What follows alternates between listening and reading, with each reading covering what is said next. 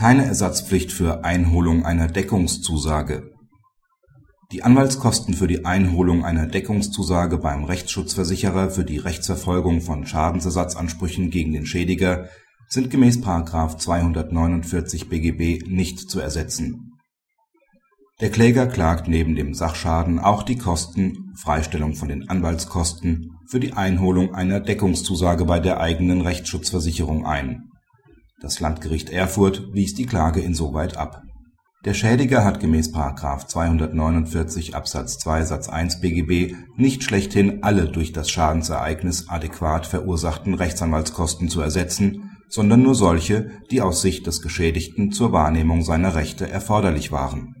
Hierzu gehören die Kosten für die Einholung der Deckungszusage aber nicht es fehlt schon an einer adäquaten Kausalität des Schadensereignisses für die Beauftragung des Rechtsanwalts. Der Grund für die Rechtsschutzanfrage ist allein, dass der Kläger das Kostenrisiko scheut.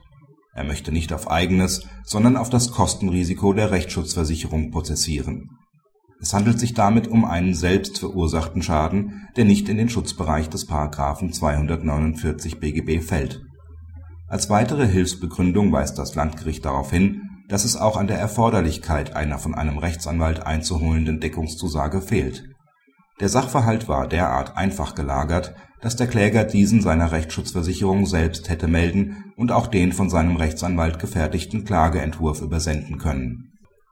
Praxishinweis Es handelt sich um ein eher seltenes landgerichtliches Urteil zu dieser angesprochenen Streitfrage.